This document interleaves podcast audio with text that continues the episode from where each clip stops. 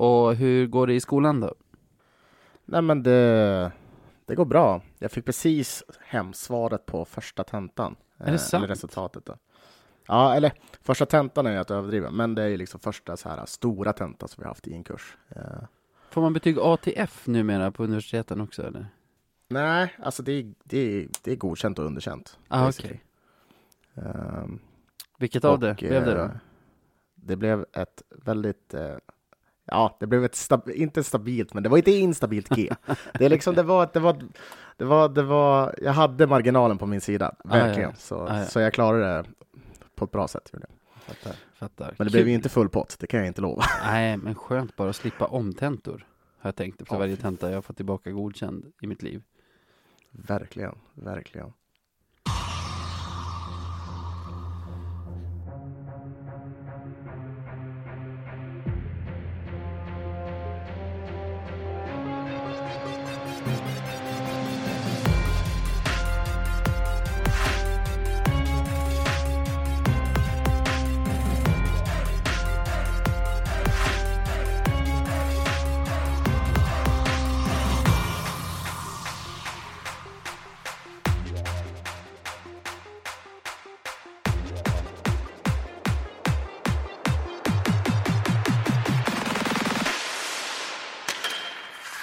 Ja, men då kan vi hälsa er alla lyssnare välkomna till Radio 1970.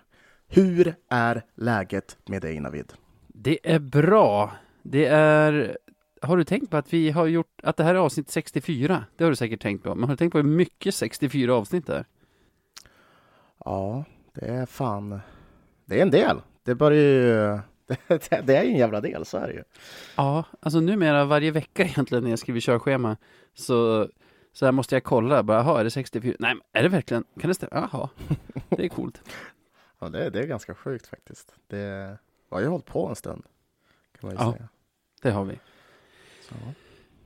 Har du haft någon riktigt gammal bil någon gång? Alltså har du ägt någon? Eh, nej, eh, det har jag inte, men i familjen har vi haft en liten, en, en äldre Corolla hade vi, en äldre Toyota Corolla. Ja. Jag har ju skrivit nu att Björklöven är, att följa Björklöven är som att ha en gammal rostig bil.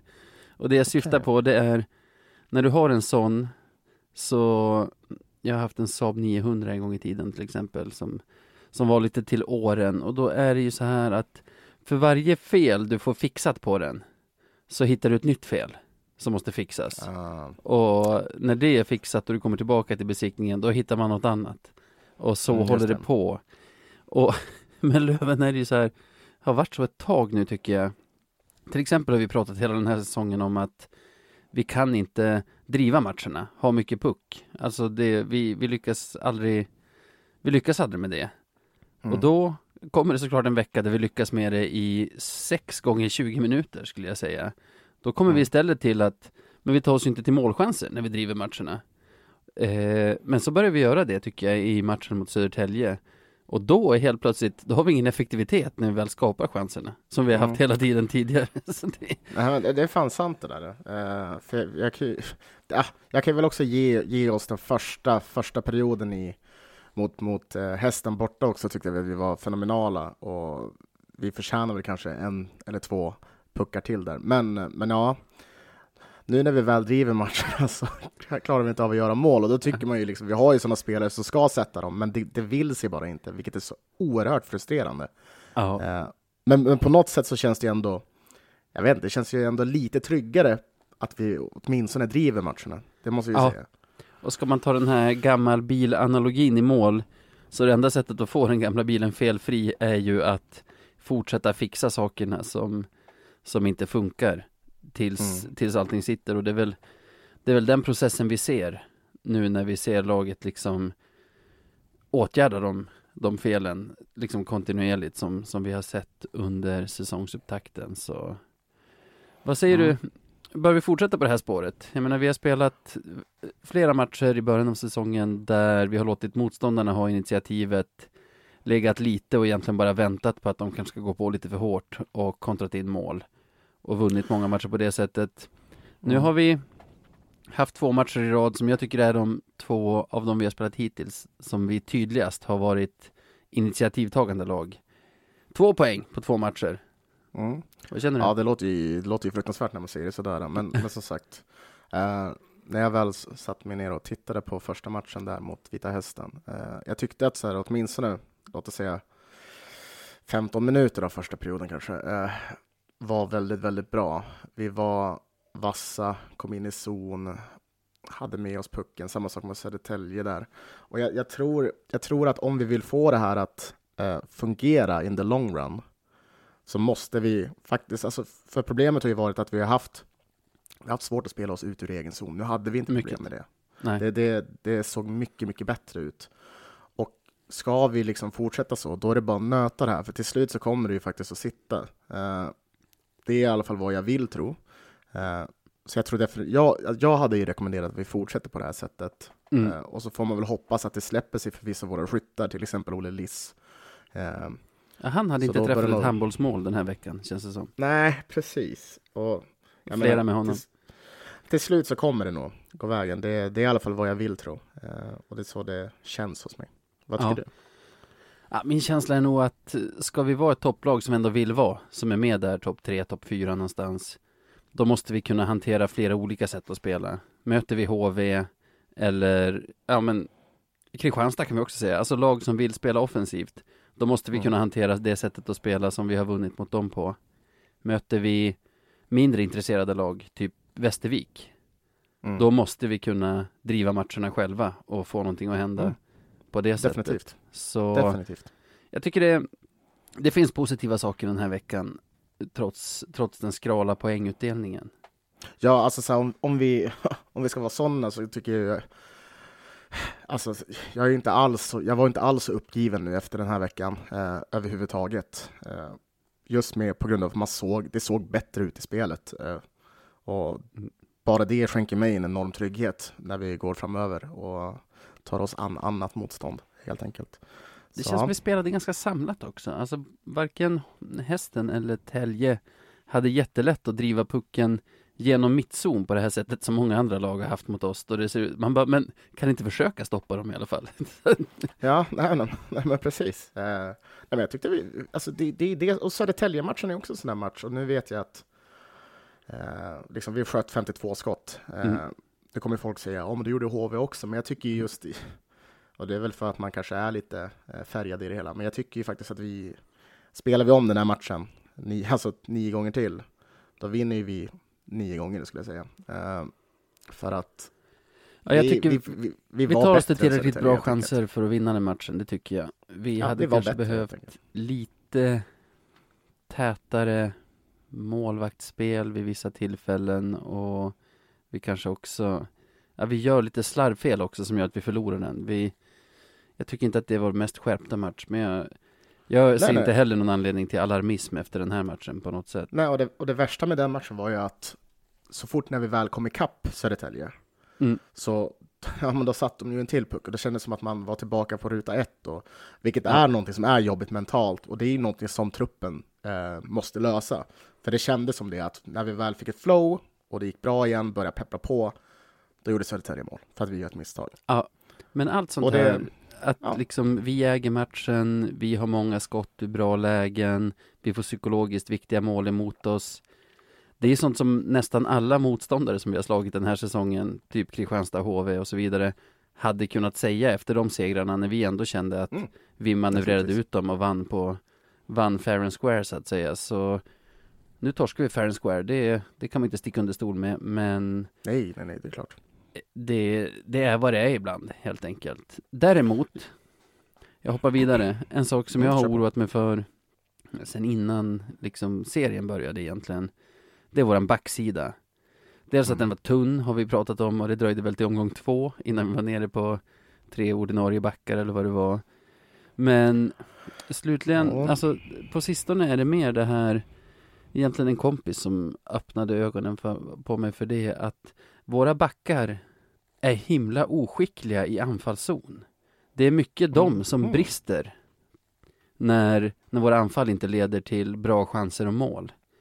Vi, vi hamnar så långt ner i, även under våra långa anfall, hamnar så långt ner i motståndarzonen så att backarna får ganska mycket tid. Men Mm vi skapar ingenting från pointen. Alltså de skapar inte mycket offensiva farligheter därifrån. Nu blev det i och för sig mål. Eh, Kalle Johanssons mål kom väl från att Nörstebö slängde in från blå.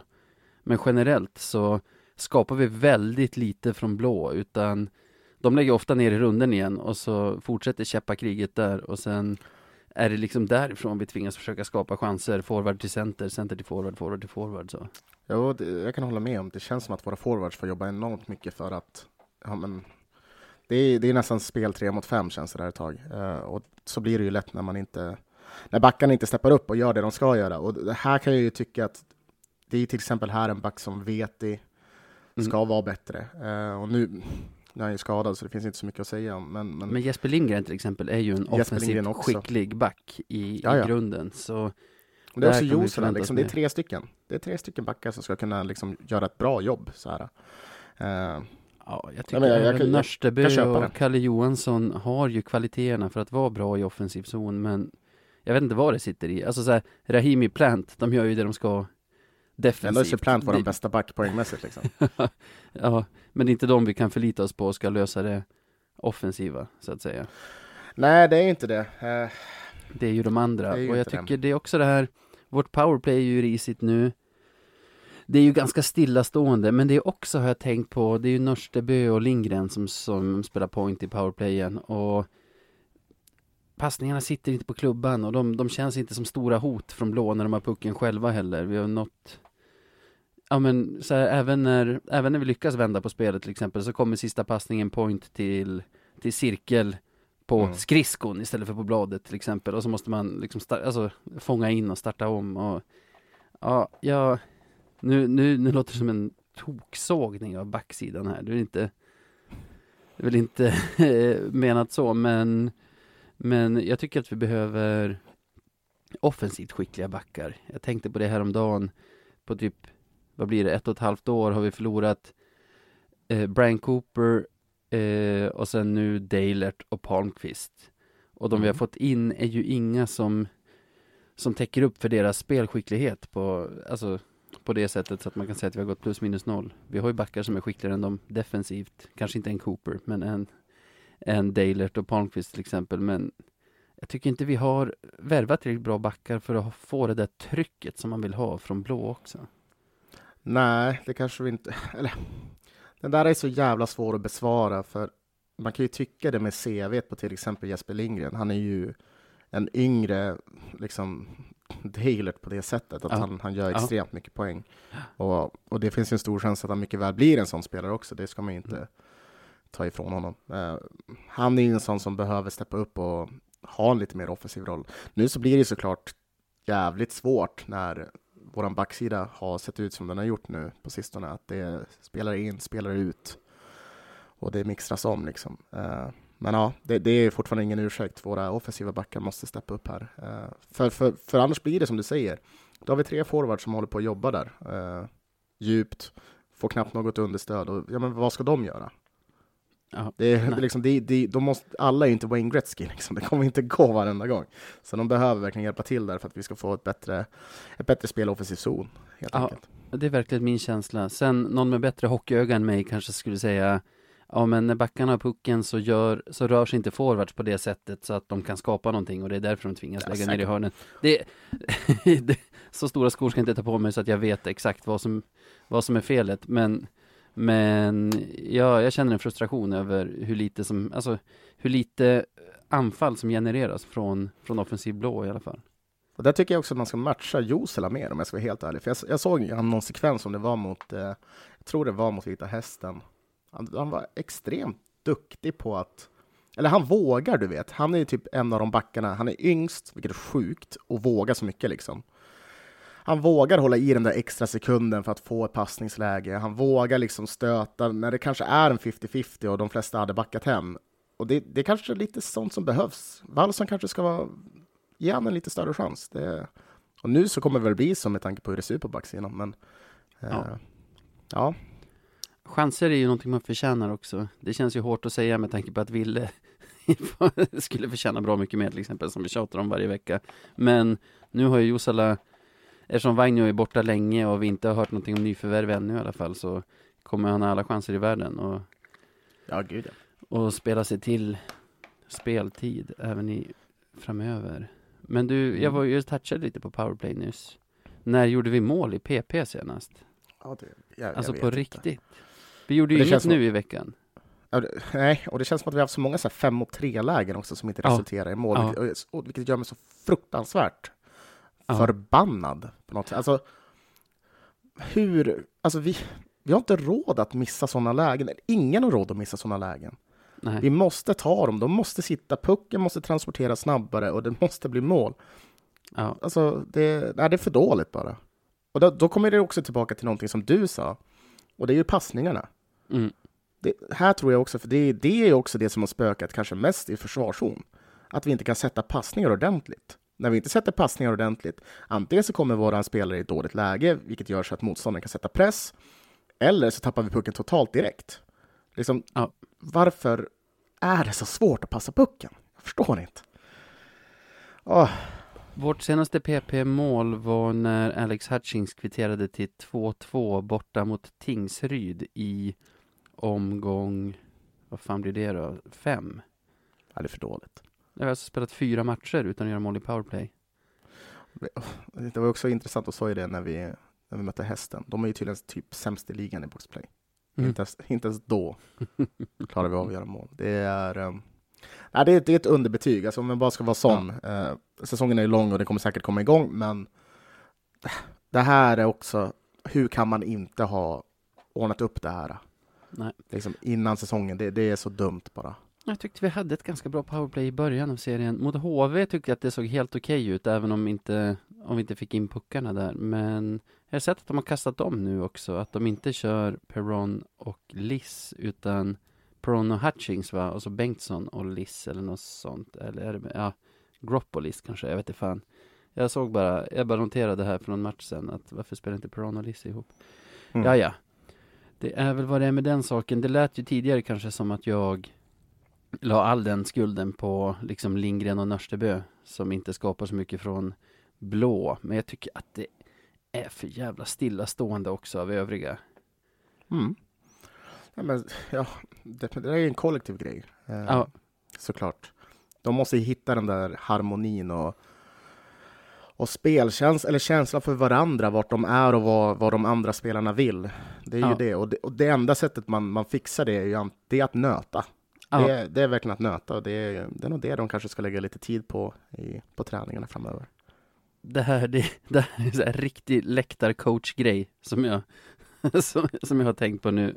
Och jag har inte det, alltså tillräckligt djupt hockeykunnande för att kunna säga vad, vad det är eller om det borde vara så. Men de sporter som jag har spelat någorlunda liksom högt upp i ålder, typ handboll och fotboll, där Mm. har man ju strategier i hur man ska ta sig till avslut. Alltså som man har bestämt i förväg och tränat in, särskilt i handboll såklart. Där, Mm. där bestämmer man egentligen inför varje anfall. Nu gör vi den här grejen. Och ja men då när, när, liksom, när det startar så vet alla vad den andra kommer att göra och liksom att det, att det sker någon sorts synkronisering runt det där. Men även i Mm. fotboll.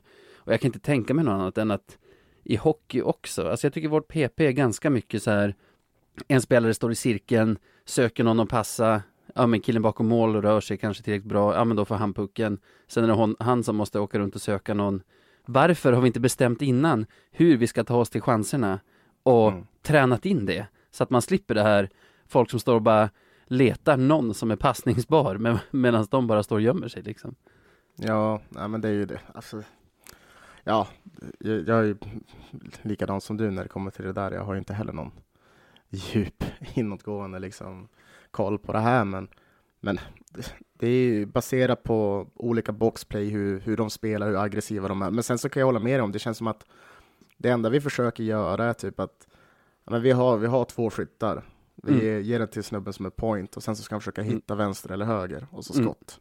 Mm. Det är det. Och visst, det är väl, bevisat att funka ibland, men, men det känns inte som att det är någon större plan involverat, tyvärr. Men, Nej. men vad vet vi?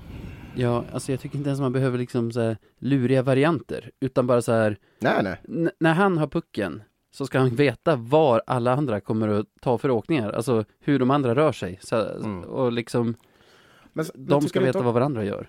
Men det är också där, när vi väl har, alltså, grejen är, jag tror våra powerplay hade fungerat mycket, mycket bättre. Alltså även med den här strategin som de väl kör just nu, liksom höger-vänster point-grejen. Mm. Att om vi bara kunde sätta våra passningar, för hur många Mm. gånger är det inte vi ser typ Liss eller Hutchings eller Perron eller vem det nu kan vara i skottläge, Ja. men han får pucken på skridskon. Ja. Det var ju en det- riktig sån det. mot Tälje, när Hatch har Ja. helt öppet mål. Och, och får den på alltså. vänster skridsko, fastän han är liksom rightare som står med liksom Ja. klubban laddad till höger. Man bara, nej, nej. Nej, exakt. Och det, jag menar, vad fan, det, Och vi har haft flera kan- sådana, Liss också. ja, det är vet. de, de måste fan träna på det. Hitta Ja. passningarna. Passa ordentligt. Då, då börjar vi snacka liksom.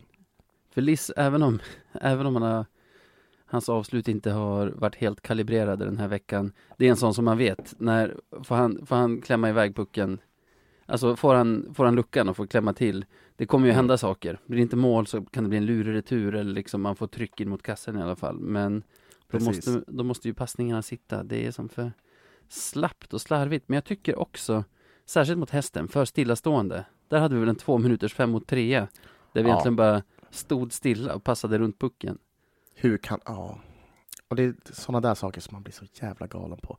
Jag, jag, jag är egentligen för så här, med tanke på hur den moderna hockeyn är, med tanke Mm. på hur mycket special teams avgör, hur kan man inte ha det här som en Alltså man, man nöter det ännu mer än vad man gör. Nu ska jag, som sagt, jag vet ju inte exakt hur det har sett ut på träningen, men man har ju läst träningsrapporter, Mm. både inför säsongen och under säsongen. Men jag vill ju ha, när säsongen startar, att det ska vara redan, då ska det vara väloljat. Ah, ja. För det, det är så, ex, så extremt viktigt att göra de här målen när man får chansen i PP. ja. Och liksom, vi har ju en trupp som, om man tittar på den, man kan ju inte säga något annat än att den ser ut att vara byggd för, liksom, offens för sin offensiva skicklighet. Alltså, de spelare vi har, det, det, det borde verkligen se mycket bättre ut än så här. Mm. Ja, jag håller med. Ja, jag har en till sak att gnälla på, just den här veckan. Fan, fan vad du gnäller idag. Ja, och det är faktiskt vår absolut bästa lagdel hittills den här säsongen, tycker jag. Okej, vad har du gnällat på över där då? Eh, målvaktssidan eh, var ju inte med oss den här veckan och då är jag medveten om, jag tycker Jona gör ju en bra ju. jättebra match mot Vita Mm. Hästen. Men målet de, de får göra är ju sånt här, jag kan inte se det för att jag blir så förbannad. Ja, Han, han överarbetar och liksom Marcus Eriksson som ju är en otroligt skicklig målskytt har ju ingen vinkel alls när han tar skottet och han har ingen att passa för Nörste och vem det är mer är ju där och stänger alla passningsvägar. Och lik förbannat så avslutar han från i stort sett förlängd mållinje och lyckas ändå Mm. hitta en lucka där på på Voutilainen som jag tycker spratt, sprattlar åt alla olika håll egentligen där. Ja jo, men det där är klart. Eh, sen så, det, det är väl delat ansvar på det där målet, för det är ju någon jävla bjudning som, som sker där i zon, har jag för mig. Ja, kanske innan, men själva målet är att Marcus Eriksson försöker hitta in med en passning framför mål.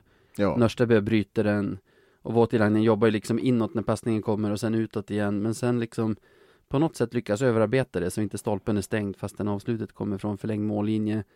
Och det är ju extremt orättvist mot Voutilainen för han, han gör ju många riktigt bra räddningar den matchen. Släpper man in ett mål så ska man fortfarande vinna matchen. Ja. Det, är- det, och det är egentligen inte en sågning av en, då, Voutilainens insats heller, för jag tycker han var som sagt med, alltså med en lite mer normal målvaktsinsats hade vi kunnat förlora den matchen också, för han tvingas några riktigt svettiga räddningar och han räddar tre stycken straffar också i straffläggningen som gör att vi kan, så där kan man ju säga att han vinner matchen åt oss. Ja, det, ja men precis. Alltså det, det är ju det. Visst, det är ett klantigt mål, men han ger laget så många chanser att Ja. vinna. Så, Nej, det var egentligen bara, det fick väldigt stort fokus nu, för jag tycker inte det är en så stor grej att han släpper det målet med tanke på hans insats där. Men jag tycker också att Endre gör sin sämsta match, sämsta seriematch i alla fall, för, för oss den här säsongen mot Södertälje. mm, ja, men det gör nog möjligt. Eller det gör de. Eh, Det är Ja. i och för sig liksom, han, han har inte gjort någon dålig match hittills, så, alltså innan den så, Nej, exakt. Så, så det är klart det blir det. så det är lätt att göra sin dåligaste match då, Nej, dåligaste. så säger mitt barn, Dåligaste. sämsta. Nej, men Nej. det, det är ju en sån där... eh, han ska ta en del grejer där, så är det. Eh, Ja. Men eh, det är också så här, man är inte direkt orolig även om man hade en dålig dag. Eh, Nej. För det kommer hända varje målvakt. Liksom, det hände Kanata, det hände Lundström, det har ju hänt alla. Så, Och det, jag tror inte att något Löven-fan är orolig över målvaktssidan och det tycker jag bör vara konklusionen av den här målvaktsveckan vi har haft. Att målvaktssidan är absolut inte ett problem i årets. Björklöven. jag läste verkligen, och det här kanske var en gammal artikel, men jag läste bara en rubrik på VK och då hade ju Bjuling gått ut och sagt att vi har seriens bästa målvakter och jag är fan beredd till att hålla med honom. Ja, men det tycker Eh, jag. Av liksom- de vi har sett hittills, absolut. Ja, det här, och det, det är någonting som skänker en enorm trygghet. Jag, jag mår Mm. bra av det här, känner jag. Man är inte liksom orolig på samma sätt som man kan ha varit tidigare säsonger. Och så att de är två som är så bra, så att om Endre blir skadad några veckor till exempel, som Polän blev förra säsongen, så behöver man inte behöver man inte flyga in någon omotiverad från AHL som, som står och äter såll i de veckorna, utan är Endre borta ett tag, då kan vi egentligen ta in någonting lokalt för att öppna båsdörren och låta Voutilainen stänga igen kassen och likadant om Voutilainen blir skadad med Endre. På tal om en eh, AHL, Jag vet vad du ska säga, säg det. du, du minns honom som vi flög in för att Ja. stå för Polan? Ha- Han som jag egentligen nämnde utan att säga namnet nyss. Han gjorde ju sin NHL-debut igår. Ja, stämmer. Alltså natt Vann. mot måndag så stod Connor Ingram 60 minuter för Nashville mot Minnesota tror jag det var och vann. Eh, precis, han blev, eh, de brukar ju ha så här eh, three stars of the game, och han blev Mm. the second star som näst bäst performance stod han för. Kul! Det är otroligt. Kul för Ja. honom faktiskt. Och jag minns, jag träffade Steken någon gång. Han pratade väldigt gott om honom, så det där det känns ju Mm. härligt för, för hans karriär. Skönt att han kommer igång igen.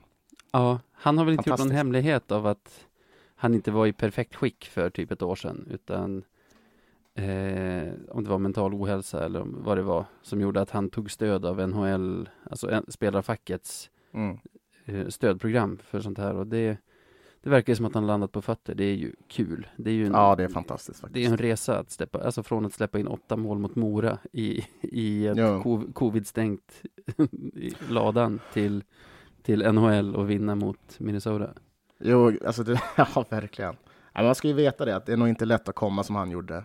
Eh, nej, fy fan. Och ha den lilla korta ses- sessionen som han hade. Så nej, jag är svinglad för hans skull. Riktigt, riktigt lycklig.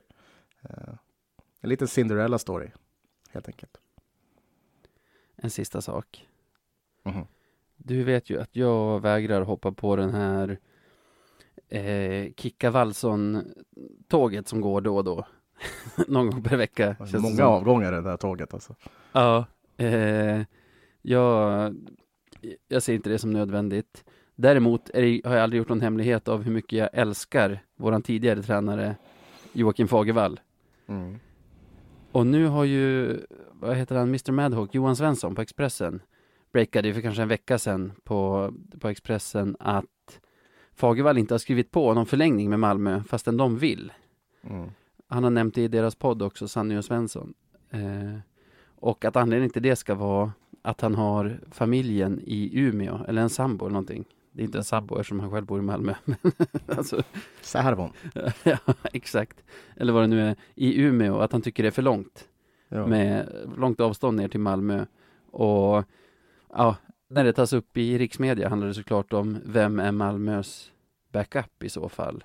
Mm. Men i, det, enda jag, det enda jag kan tänka när jag hör det är Kan vi få tillbaka Jocke? Mm. Ja, det är intressant. Eh, Kan vi landa honom? Menar du istället för Wallson eller med Wallson? I min fråga då. Alltså Wallsons kontrakt går ju ut nu i vår förutsatt att vi inte går upp i SHL. Mm. Och som sagt, det här är inte en sågning av Wallson, men jag väljer ju Fagervall. Alltså jag personligen väljer ju Fagervall alla dagar i veckan framför Mike Babcock. det, Ja, ja, det är ju du också. Men, ja, nej, men jag, det, det gör nog fan jag med. Eh, eh, men jag, jag, jag, jag tänkte också på det där och det är klart naturligtvis utifall om, om, om Kent snackar med, Valls, eller med, med Fagervall och Fagervall är sugen på att give it a go nästa Ja. säsong så är det ju en no-brainer. Ja, men jag läste också något roligt på på, på gröngult och då var det någon användare som hade spekulerat lite grann om det här med en delad tränarsituation med, med Wallson och Fagervall. Och, oj, och Oj. Ja, men först och främst så är det ju helt galet med tanke på att det är två huvudtränare. och det kostar multum. Men tänker man efter lite grann på hur det har sett ut, liksom med Wallsons tidigare karriär, så han ju han har ju inte varit den som har pratat mest i båset, utan det var ju till exempel Bert Robertson. Alltså Mm. han kanske inte är den som motiverar folk på samma sätt som kanske Fagervall har en tendens till att motivera folk. Wallson är kanske den som men han kanske kommer med, med spelet och allt det där annat. Ah, ja. Medan motivationen kan komma från ett annat håll. Och jag tror inte Lahti, förlåt, jag kanske har fel här, men jag tror inte han heller är en sån person. Så om man skulle kunna kombinera liksom, ja men en, eh, en, Ja, jag gillar det. En tränarjävel från Kiruna med en annan jävla tränarjävel. Ja, ja. Då, då, nej men jag, jag tror att det skulle, det skulle faktiskt kunna ha någonting. defensiven och Wallson på offensiven. Exakt, och jag tror ju, och Jag verkligen, blir då lite har vi ju, upphetsad nu när vi pratar om det. det är ju en Märker helt du det? otrolig tränarduo. alltså så här, tänk dig Fagervalls och hans jävla snack. Ja, ja. Och, alltså, och den trion då, Kente, Wallson och Fagervall. Jag får gåshud. Jag får fan på riktigt gåshud. Ja, skönt gäng. För jag, jag tror att, ja men ska man ha något, och då, då ska man nog fan ha det. För Fagervall har också sina brister, det ska man faktiskt veta. Och där behöver han någon som täcker upp där och det skulle Ja, mycket väl kunna Som vara Kimby Wallson. gjorde jättebra hans sista år här. Till Jo. exempel. Ja, och de, nej vilken, alltså, ja det här snacket har jag inte hört, men jag går igång på det. Jag, jag vet att det är en utopi. Alltså, man kan inte ha två av Sveriges kanske bästa tränare samtidigt. Alltså, det där är ju också så här, ja, Nej, men det är en Fagervall ska hem. Liksom. Fagervall vill hem. Ja men vad då? Han har ju tjänat sina SHL-pengar nu. Ja, Flera ja, gånger alltså, om dessutom. Det finns nog de som har tjänat mer pengar. Han har ju kommit tillbaka till Umeå flera gånger känns det som. Eh, och prioriterat det över över annat. Men ja visst, äh, det skulle jag inte tacka nej till. Det känns som att de kompletterar varandra på det här sättet i vilken lagbyggare Fagervall är. Alltså Mm. Vad han gör för för att eh, få ihop gänget. Få, Ja. Undrar om det var Jon som jag frågade om Fagervall någon gång som sa att han, han är en sån som kan få liksom lata spetslirare att, att bete sig som brunkare. Mm. Uh, han, alltså, han, han får alla att dra åt samma håll helt enkelt. Och det har varit en känsla som många har haft runt Löven de här två senaste säsongerna att vill de verkligen det här ordentligt? Ja. Alltså du, fan nu när jag tänker på det här, vet du vad det skulle vara då?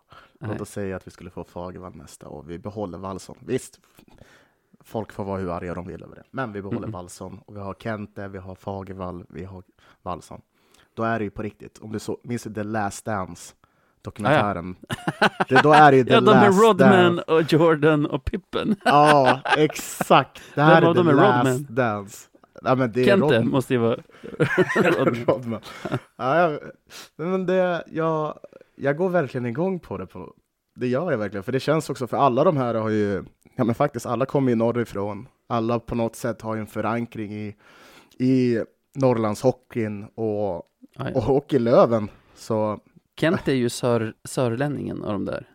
Haparanda är ju det sydligaste av de tre ställen som de kommer ifrån. bara Med, det liksom.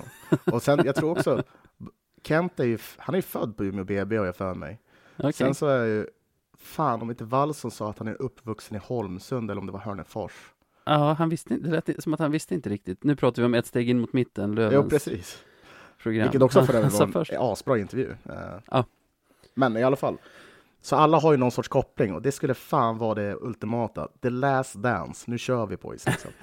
Alltså, jag kan inte tänka på något annat nu. Vi kan inte fortsätta det här avsnittet. för det här är det enda jag kan tänka på nu. Ja, men visst blir man glad? Jag känner bara att Ja, jag ja. ler när Ja, jag ja. tänker på det. Ja. Nej, men oavsett vad, kom hem Jocke. Ja, kom hem.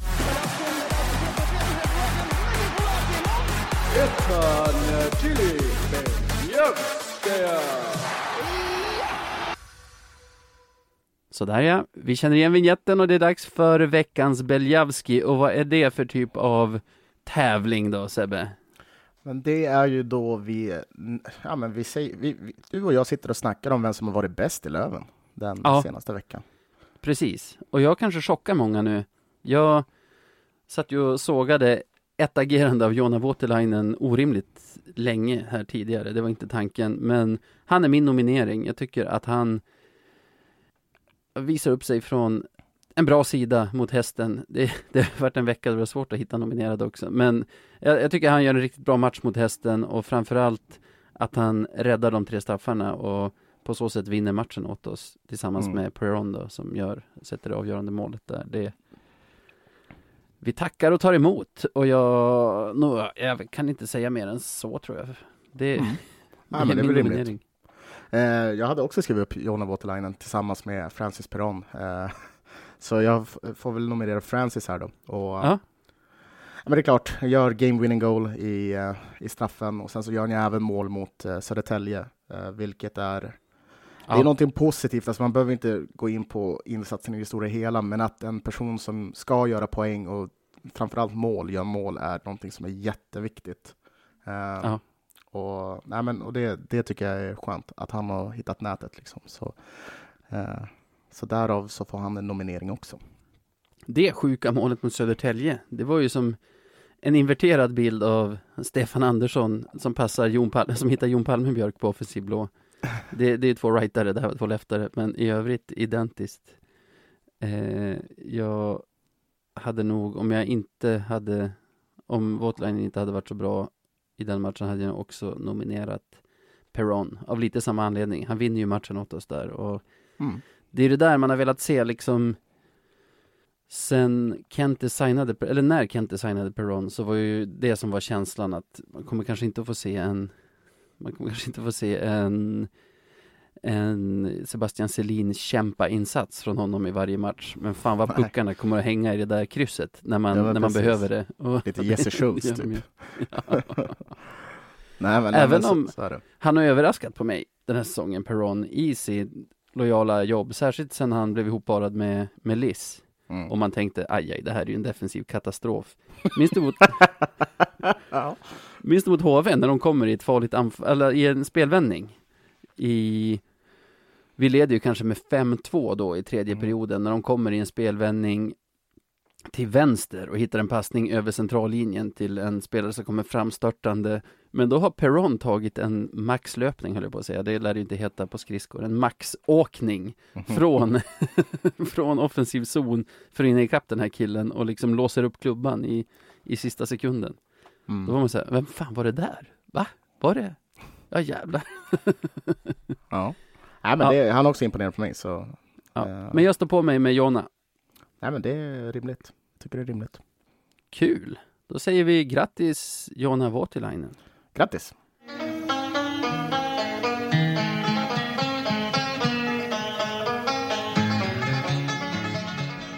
Veckans Marklund. Och ja, då går vi från himmel till helvete helt enkelt. Vi tänker utnämna veckans Marklund och Navid kan ju förklara lite mer om vad, vad det innebär. Absolut. Om inte annat kan jag läsa innan till utse veckans mest klandervärda. Mm. Och jag har egentligen två nomineringar. Jag tänker att du säkert kanske kommer ta någon utav dem. Så... Jag har också två. Ah! Kör dina Jag två. Jag tror vi kan ha en som är samma, men nej, Ja. tveksamt. Okej, ja, en är Vita hästen borta. Jag, jag har ju inget problem med Vita hästen egentligen. Jag gillar arenan. Det är ett klassiskt lag. Norrköping är en fin stad och så vidare. Men Ja. varför i hela friden måste deras speaker hålla på som spiken håller på? Jag orkar inte det här något mer.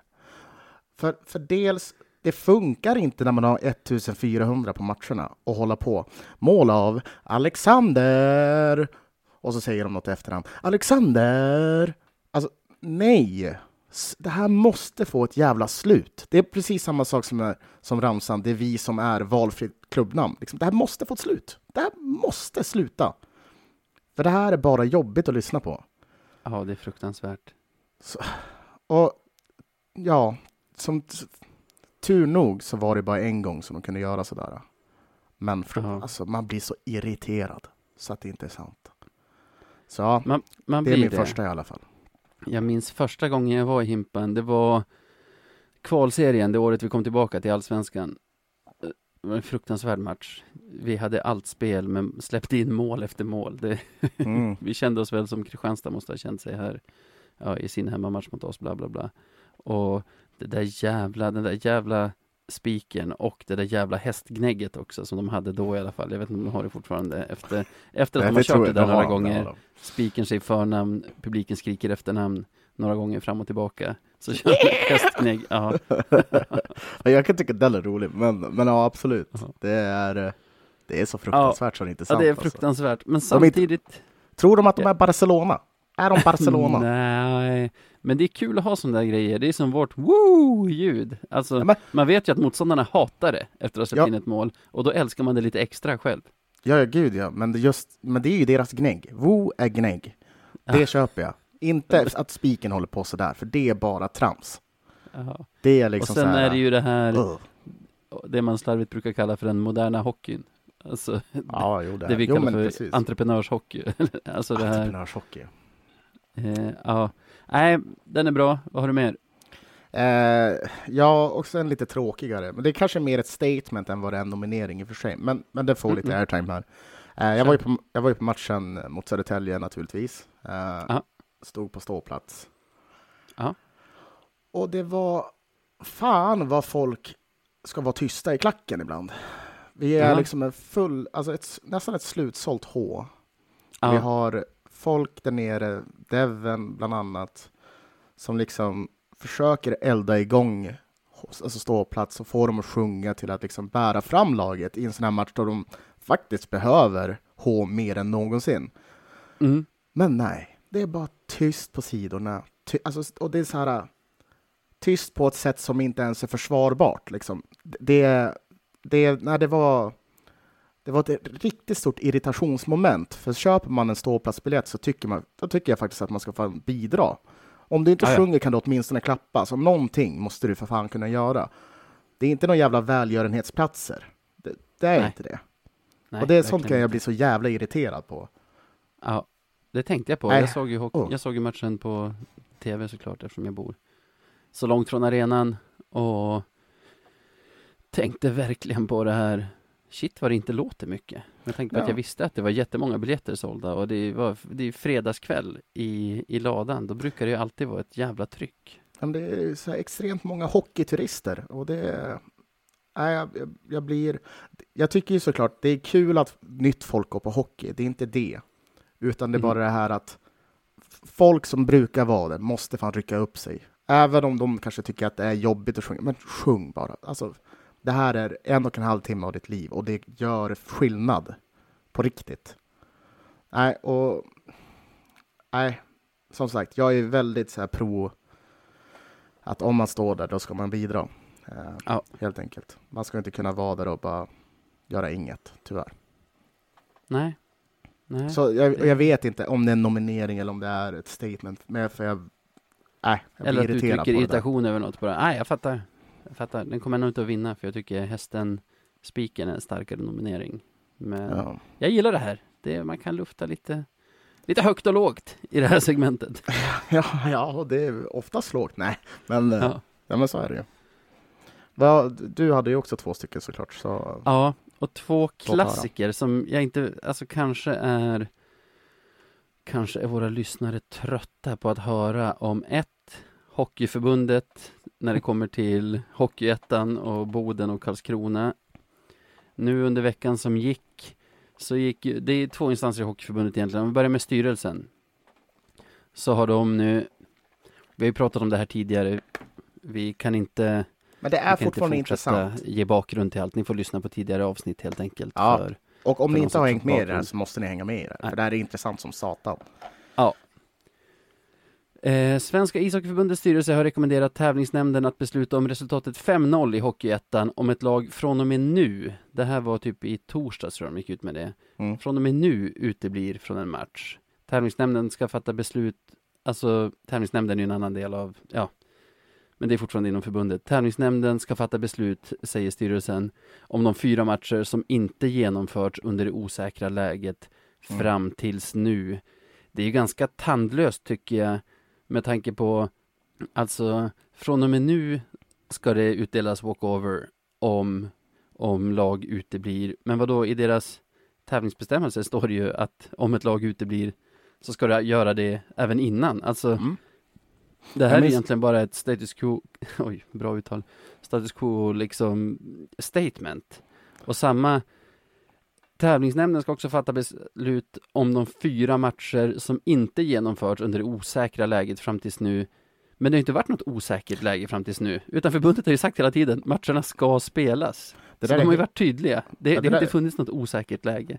det där är helt rätt. Och jag minns att jag, jag retweetade när det kom ut och då, då sa du just till mig att det var tandlöst. Men jag, jag vill ändå på något sätt hålla fast vid att även om, om, om, det, om det må vara så, så är det ändå ett fall framåt på något jävla vänster, känns det som. Eftersom samtidigt så beviljar de ju även Boden och KK sändningstillstånd, även, alltså fram till jul tror jag att det var. Ja. Så, så det är ju ändå, det är ju fördel Boden, om man säger så. Ja, alltså det får i alla fall ett stopp på, på det här.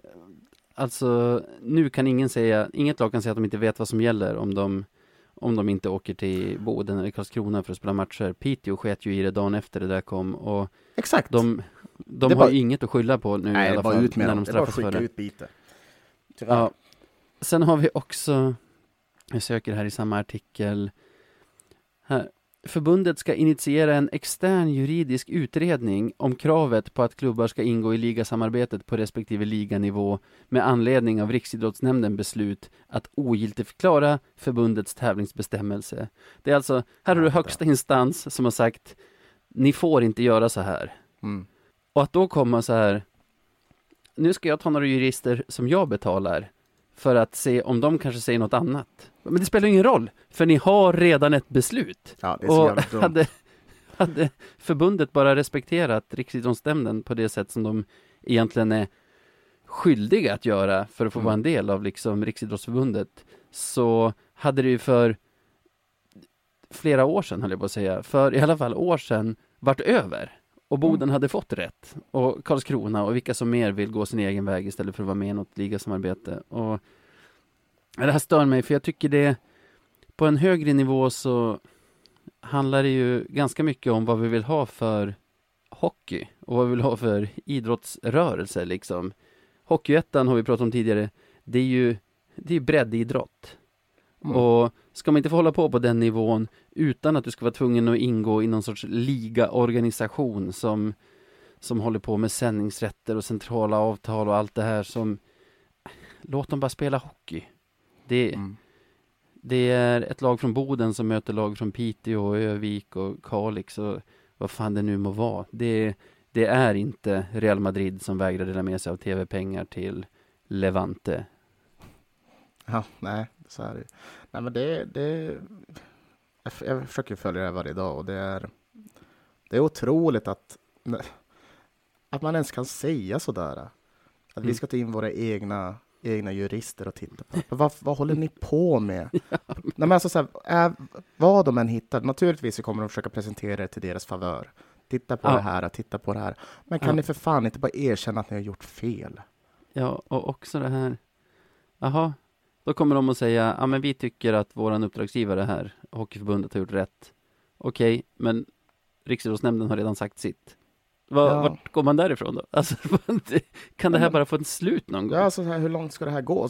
Sen nu har jag läst också att även fast det här är liksom, de har sagt det här, så är det fortfarande klubbar som inte riktigt har, alltså inom Hockeyettan som inte har, först, eller de har ju liksom inte kommit fram till att de ska göra så att de ska spela matcherna. Det är fortfarande walkover som står på bordet. Jag vet att det finns några utbrytarklubbar, typ som Mm. KRIF gick ut med pressmeddelande och även Mörrum, att de kommer spela matcherna mot KK. Ja, Nybro också. Mm. Och Teg tror jag gick ut med det här ganska tidigt, alltså innan det här blossade upp, innan ens Övik bojkottade den där matchen borta mot Boden. Mm. Gick deras ordförande ut med ett bra öppet brev, där han Ja. liksom sa att, nej men vi respekterar Och det, det här är ju någonting. Och att de gör det tycker jag är fantastiskt bra. Alltså även om de är lite, de låter ju lite defensiva i sina pressmeddelanden såklart, vilket de måste göra. Mm. Men, men äntligen har ju äpplet liksom, det har ju trillat ner för dem också eh, på något jävla Mm. vänster. Så det är skönt. Och egentligen, i, om det här nu får ett lyckligt slut, så som i alla fall jag hoppas att det får, så, sk- Mm. så ska vi nästan tacka Boden och KK för det här. För det här är ju, ja. de utsätter sig själva för en enorm enorma risker, gör de, för Mm. att gå emot ett system som, som finns idag som bara har accepterats av de här klubbarna. Men nu, och de Ja. tycker inte att det är rättvist. Eh, Och det är många som drar liknelsen så här, ja, tänk om typ Färjestad skulle dra sig ur SHLs ligaorganisation då, och, och liksom eh, sälja all sin reklam och sina tv-rättigheter själva, så är det ju så här, ja, men de kommer inte att göra det eftersom SHL har en stark ligaorganisation som lagen tycker att de tjänar på att vara med i. Lycka Ja, till! precis. Något av lag och fixa så mycket tv-pengar som de får, eller de här centrala sponsoravtalen. Ja, nej, det kommer Det-. Vill du, vill du få alla att vara med på ett samarbete så måste du se till att, att alla känner att det är ett bra samarbete som, som man får ut någonting bra av. Man kan Precis. inte bara säga ni måste vara med för vi tvingar er. Nej, exakt så. Och det, och det här liksom, ja men Boden och KK blottar det här.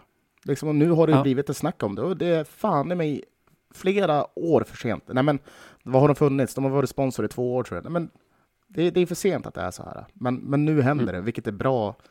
Ja. Och inte nog med det så, vad fan, har man ju fått reda på att det sitter folk i ATGs styrelse som sitter i Hockeyettan. Och det är en jävla massa sitta på dubbla stolar där.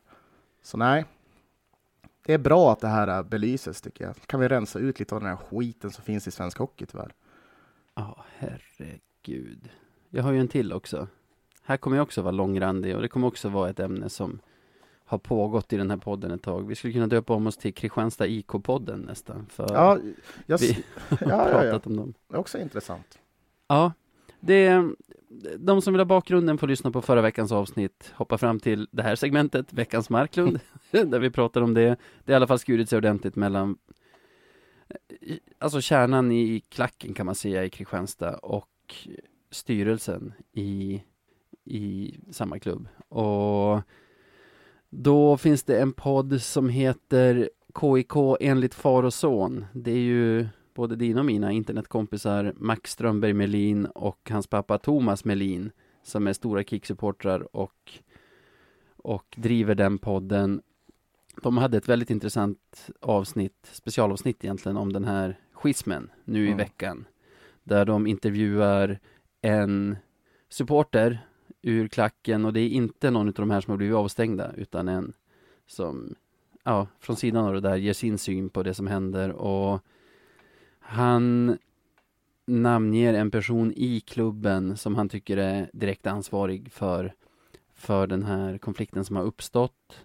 Och jag tycker poddavsnittet är bra för Thomas, pappan, i, Mm. i den här pappa-son-konstellationen.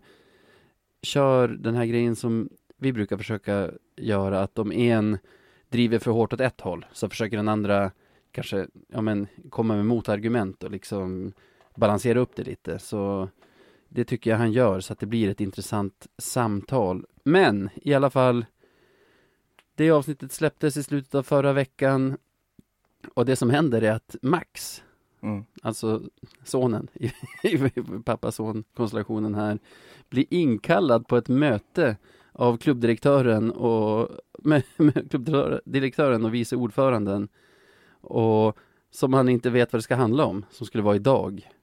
Och Jaha. ja, då är det någon, ja, det här är att jag läser till på Twitter för det, det är min källa till det här. Han ska bli kallad på möte imorgon med klubbdirektör Totte och vice ordförande PO Färdig.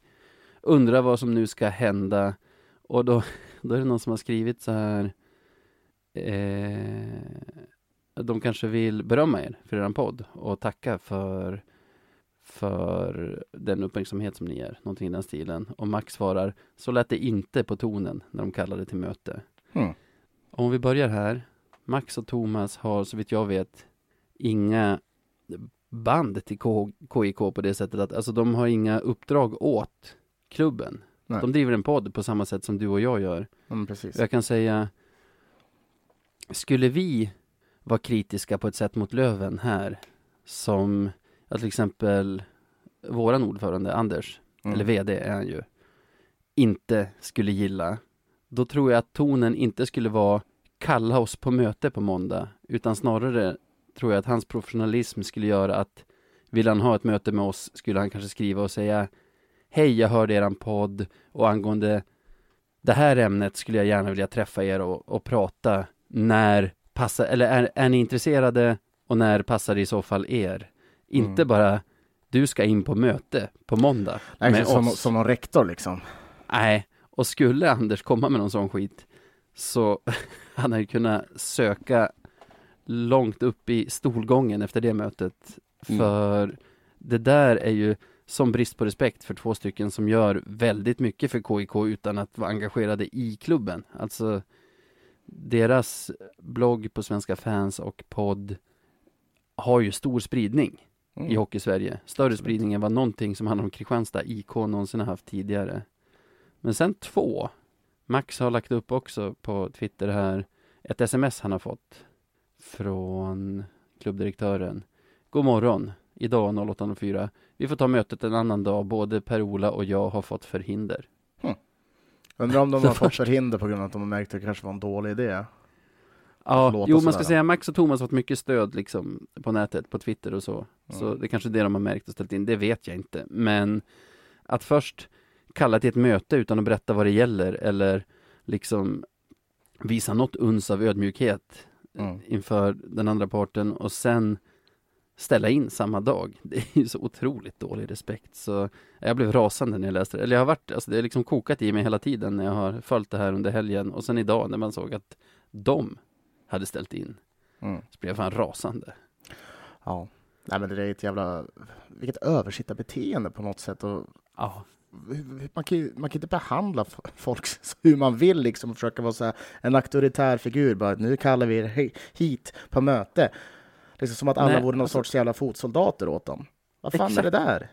det, det känns som något som skulle kunna hända i Nordkorea. Att någonting du säger i en podd Ja, föranleder att du blir inkallad exakt. på någon För, sorts möte. för precis som du sa, om det där hade hänt oss. Alltså så här, jag hade blivit galen på Ja, Blomman. Jag hade blivit skogstokig. Och de hade fått höra det ännu mer därefter.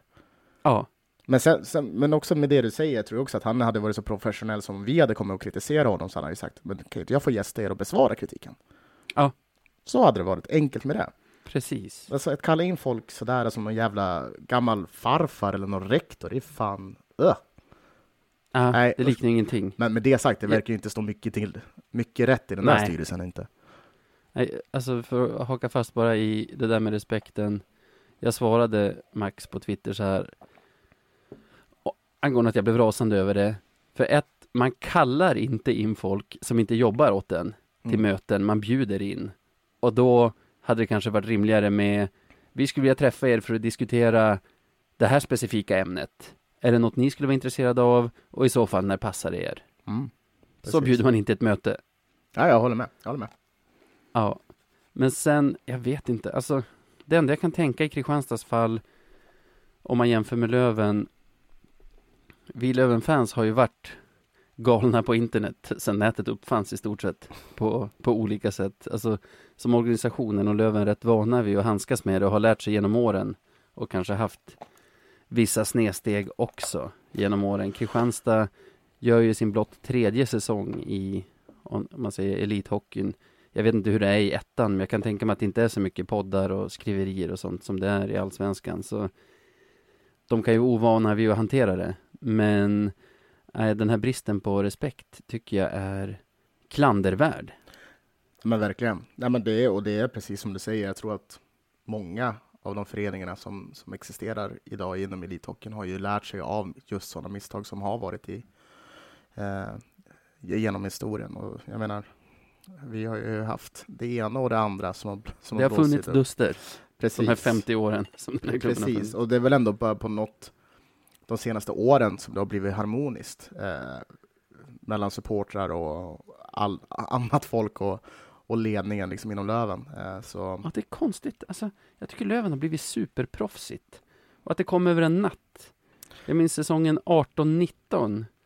Då, hur dels där det blev känt att Jakob Andersson hade skrivit på för Skellefteå, mm. men inget hände från klubben. Alla liksom försökte bara låtsas som att det regnade. Och sen i samma veva var det också att valberedningen föreslog Erik Andersson som, då blåste, då gungade Som- det rejält på havet kan jag säga. då var det styv jävla kuling alltså. ja, det var det enda gången i mitt liv som jag har gått med i Green Devils faktiskt. Mm. som stödmedlem. För att jag tyckte att de var de enda som stod upp för föreningens värden i allt det där. Genom att öppet kritisera dels att Jakob Andersson fick spela kvar i Löven fastän alla visste att han hade skrivit på för Skellefteå Mm. och dels liksom förslaget att ta in Erik Andersson i styrelsen.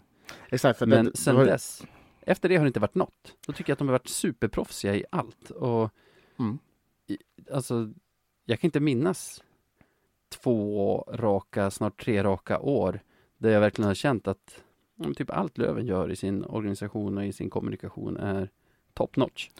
Eh, ja, och jag, jag som ändå är, är med i, i Green Devils och gör mitt andra år där, kan jag säga så här under den tiden som jag varit där att vi har ju haft en extremt bra dialog med Björklöven och inte bara med, med, med Blomman utan med, med, med marknadsföringen liksom. Bornefjord är ju en, han är ju en Biljavski och Blomman liksom, Ja. bland annat. Ja. För eh, ja, men de, de vill ofta veta Baudin vad, ska nog räknas in där också. Ja, flera, definitivt. Flera med dem. Definitivt. Och Eller vad är det du brukar kalla honom? Judas. Brutus.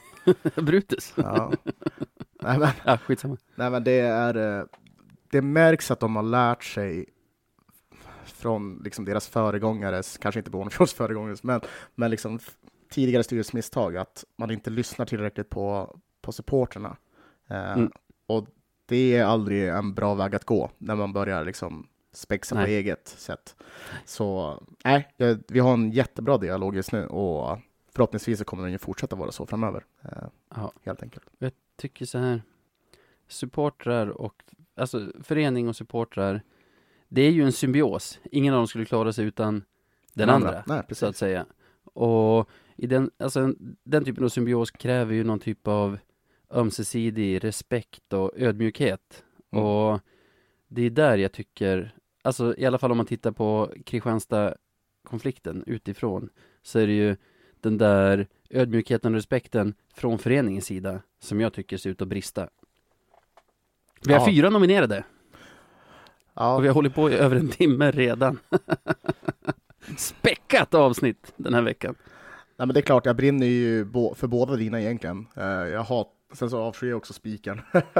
men Ja. men jag, jag tycker inte vi ska ta spiken, men däremot så tycker jag bara på grund av hur viktigt det är eh, med, med Ja. Hockeyettan just nu och det här med svensk hockey i sig. Ja, Att, att det måste fan rensas ur för, och, och granskas framför allt, är ju vad som Ja. behövs. Och jag, jag kan inte se någonting som kan vara viktigare för svensk hockey och som är mer klandervärt inom svensk hockey just nu. Nej. Det. Det, det kan jag inte. nej, bra. Och så här var det.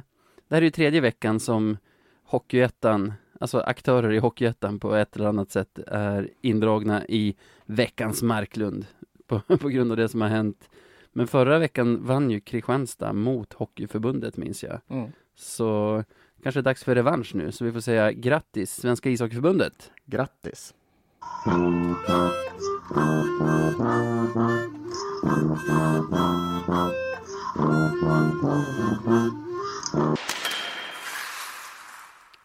Veckan som kommer borde vi vara snabba som fan med eftersom vi har hållit på så länge. Men det är ju förutom hemmamatch mot Mora på onsdag, Jesp, så har vi Yes. back to back fredag, lördag mot Modo.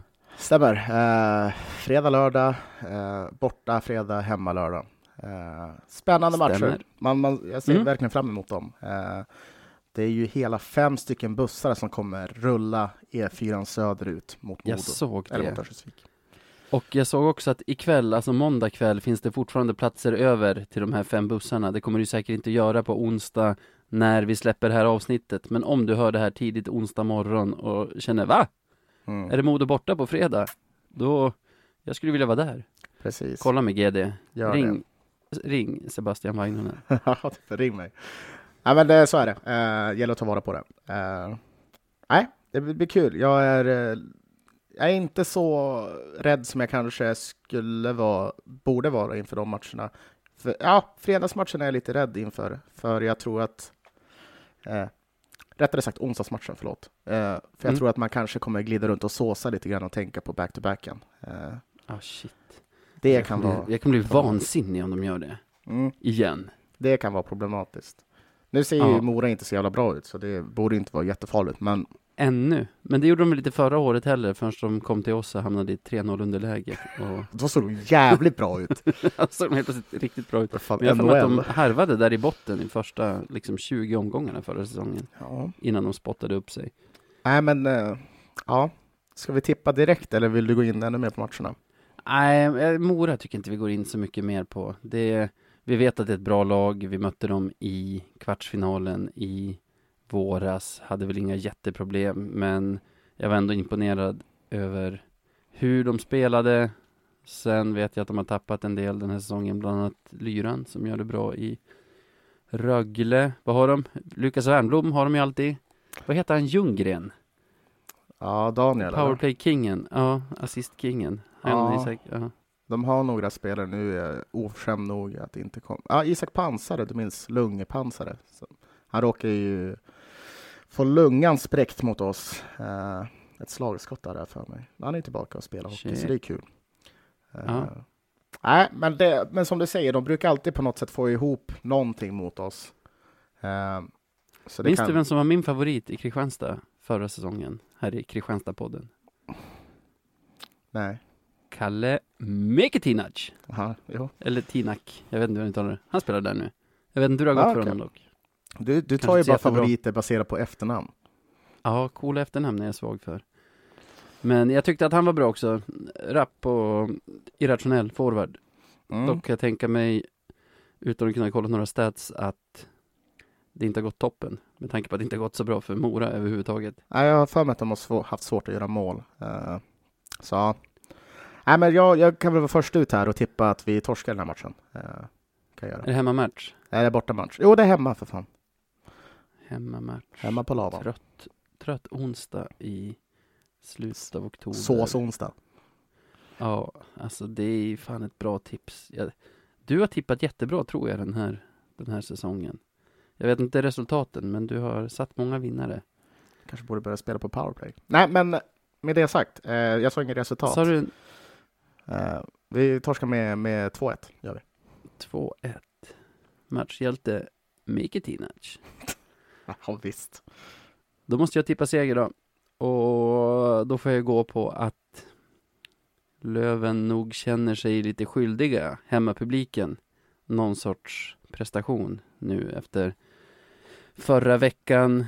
Det är dessutom, om man tänker på det så, laget som ligger trea som spelar hemma mot laget som ligger trettonde. Mm. Så det, alltså det låter på mig som att jag sitter och bettar en skräll när jag, när jag säger att Löven ska vinna. Det, jag är lite inne på din linje att det kommer nog vara tufft att tagga igång laget. Men vad tusan, vi har gjort flest mål i serien med våra 39. Mora har släppt in näst flest mål, på Mm. 33. Så kanske att det blir rätt öppet. Om Mora är fortfarande ett lag som försöker spela konstruktiv hockey så kommer vi ju straffa dem om vi, om vi spelar någorlunda likt hur vi har gjort den här säsongen. Så jag säger väl 5-1 Löven. All right. Ja, eh, vad heter han? Fitzgerald har ju skjutit in sig nu så han kanske gör två. Ja, vi får hoppas det. Jävla skott han har. Ja, det, det får man ge honom. Eh, Perron hittar ju kryssen men det gör fan Fitzgerald också. Ja, nu väntar vi bara på Olle. Det är det. Ja, ja, ja. Han har haft bra matcher och han har gjort fina mål den här säsongen också. Så. Ja. Jag är inte orolig för Liss. Dubbelmötet då? Jag tror... Fasen, sen Modo kom ner i Allsvenskan. Efter förra säsongen när de tog alla 12 poäng så har ju de en övervikt i, om man, om man gör en sån här inbördestabell. Mm. Alla matcher vi har mötts i Allsvenskan. Jag vet att vi hade två poängs försprång inför förra säsongen. Mm. Så de har väl 10 poängs försprång nu. Min känsla har varit att det lag som slutar sämre i tabellen ofta alla. är de som vinner inbördes mötena under den säsongen. Mm. Och ju längre ifrån varandra man är i tabellen, som förra året var ju Modo typ ett bottenlag. Visst missade de till och med play-in? Ja, de var... ja, det vågar jag inte uttala mig om. Men de missade i slutspel så vi kan ju bara landa att i de det. missade, jag tror att de missade topp 10, medan vi var med i den absoluta toppen. Så då var det klart att de tog 12 poäng och vi noll Mm. på, på de inbördes mötena. Året innan det var ju vi seriesuveräner och de tvåa. Mm. Så då vann de med liten marginal och när de var bättre än oss i serien var vi bättre än dem i, i inbördes mötena. Så det är ju svårt för nu verkar ju båda lagen vara med och, och smyga där bakom, bakom HV och BIK. Vad, Mm. vad säger vi? Ska vi ta någon sorts helhetsgrepp på båda matcherna eller ska vi prata om dem var för sig? Ja, vet inte. Jag, jag, har, jag vill egentligen inte ens tippa det här för det känns bara så jobbigt. Eh, Jag tror att det blir en seger och en förlust i alla fall. ja, jag, För båda lagen. tack, jag kör samma. Nej, men det, det är sådär, mycket kommer ju spela roll. Eh, liksom fredagsmatchen är ju den som kommer kanske sätta tonen för matchen därefter. Eh, Just det. och med det sagt, det ska bli väldigt spännande att se Modo. Eh, som ändå lyckas göra bra ifrån sig ibland. Eh, har väl De har blandat och lika många gett lite. poäng tror jag. Vad sa du? Ja. Jag tror de har lika många poäng som oss. Mm. Ja, men så jag, nej, men det, kan, det kan vara en bra match. Jag tror så här, hockeymässigt kommer det bli jätteroligt att titta på det. Eh, sen resultatet, det får vi ju se. Men eh, nej, det är spännande. Är det. Vem tror du jag gillar i Modo? Eh, Riley Woods har de inte han i år.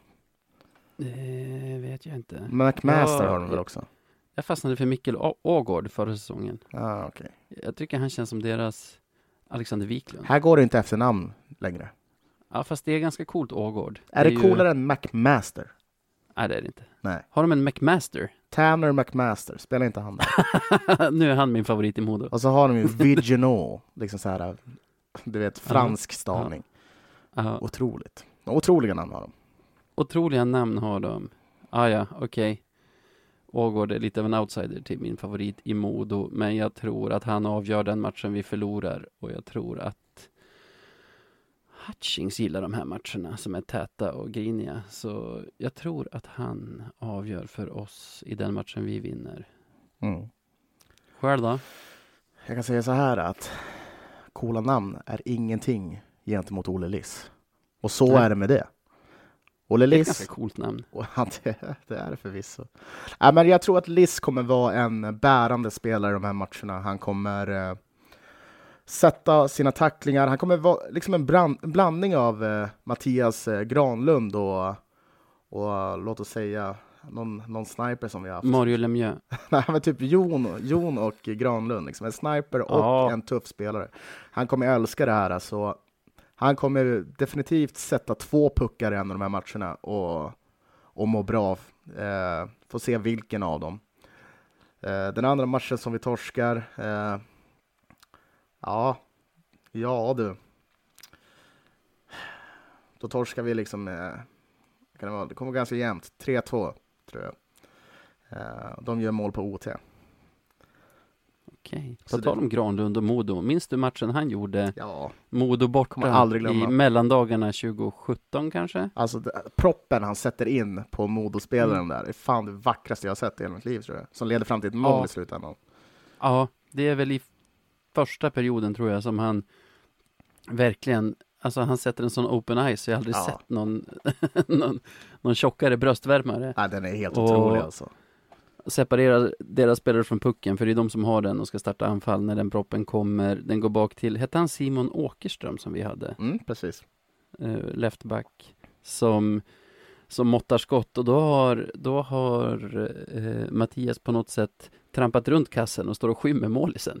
Så Ja, skottet sitter från blå. Och sen har han ju ett sjukt, om vi leder med kanske 3-1 i sista perioden, mm. så sticker han på en kontring och gör en riktigt så sånt Foppa-mål. Där han liksom drar först inåt och sen hänger upp den i första krysset. det är också så här, det, det är verkligen det finns, det, vi börjar samla på oss nu några sådana här memorable mål borta mot Modo. Ja, ja. Det var ju Kim, Kim Karlsson säger det sjukaste någonsin. Ja, ja. Så. Ah, ja. Men ja, vi får hoppas på fler sådana. Ja, vi har ju faktiskt, jag gillar ändå det här som börjar växa fram med Modo. För det är ju någon typ av rivalitet ändå, även om vi lövare inte vill erkänna det för att vi har en starkare rivalitet med Skellefteå och det. Så tycker jag det är liksom festligt med Modomatcherna. Alltså Skellefteå, det var ju ångest en vecka innan. Att åh nej, nu ska vi möta de jävlarna. Och på den tiden vi var i samma serie var ju vi oftare liksom favoriten. Mm. Och sen, nej, tänk om vi torskar, det kommer bli så jävla jobbigt och det kommer vara fruktansvärda 60 minuter. Och, och sen om vi förlorade så var ju hela veckan förstörd. Alltså förlorade vi på onsdagen och man hade tänkt gå ut på lördagen så sket man ju typ i det. Modo är ju mer så här roliga matcher, folkfest, prestige, mycket prestige i matcherna. Och förlorar man så är det ändå en ny dag imorgon och man går till jobbet och tänker inte så mycket på matchen. Nej, exakt. Det är, inte, det, är inte, det är inte alls lika jobbigt på det sättet. Det är inte, man har inte den här mentala ångesten på, på samma sätt.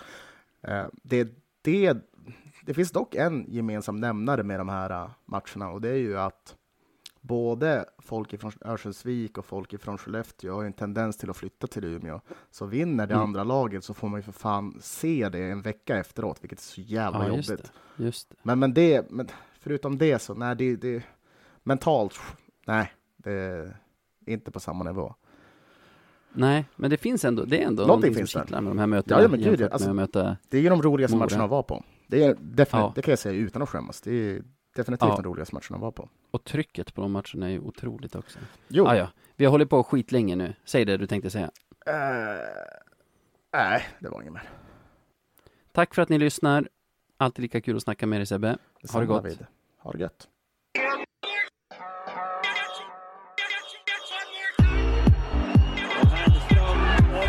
Och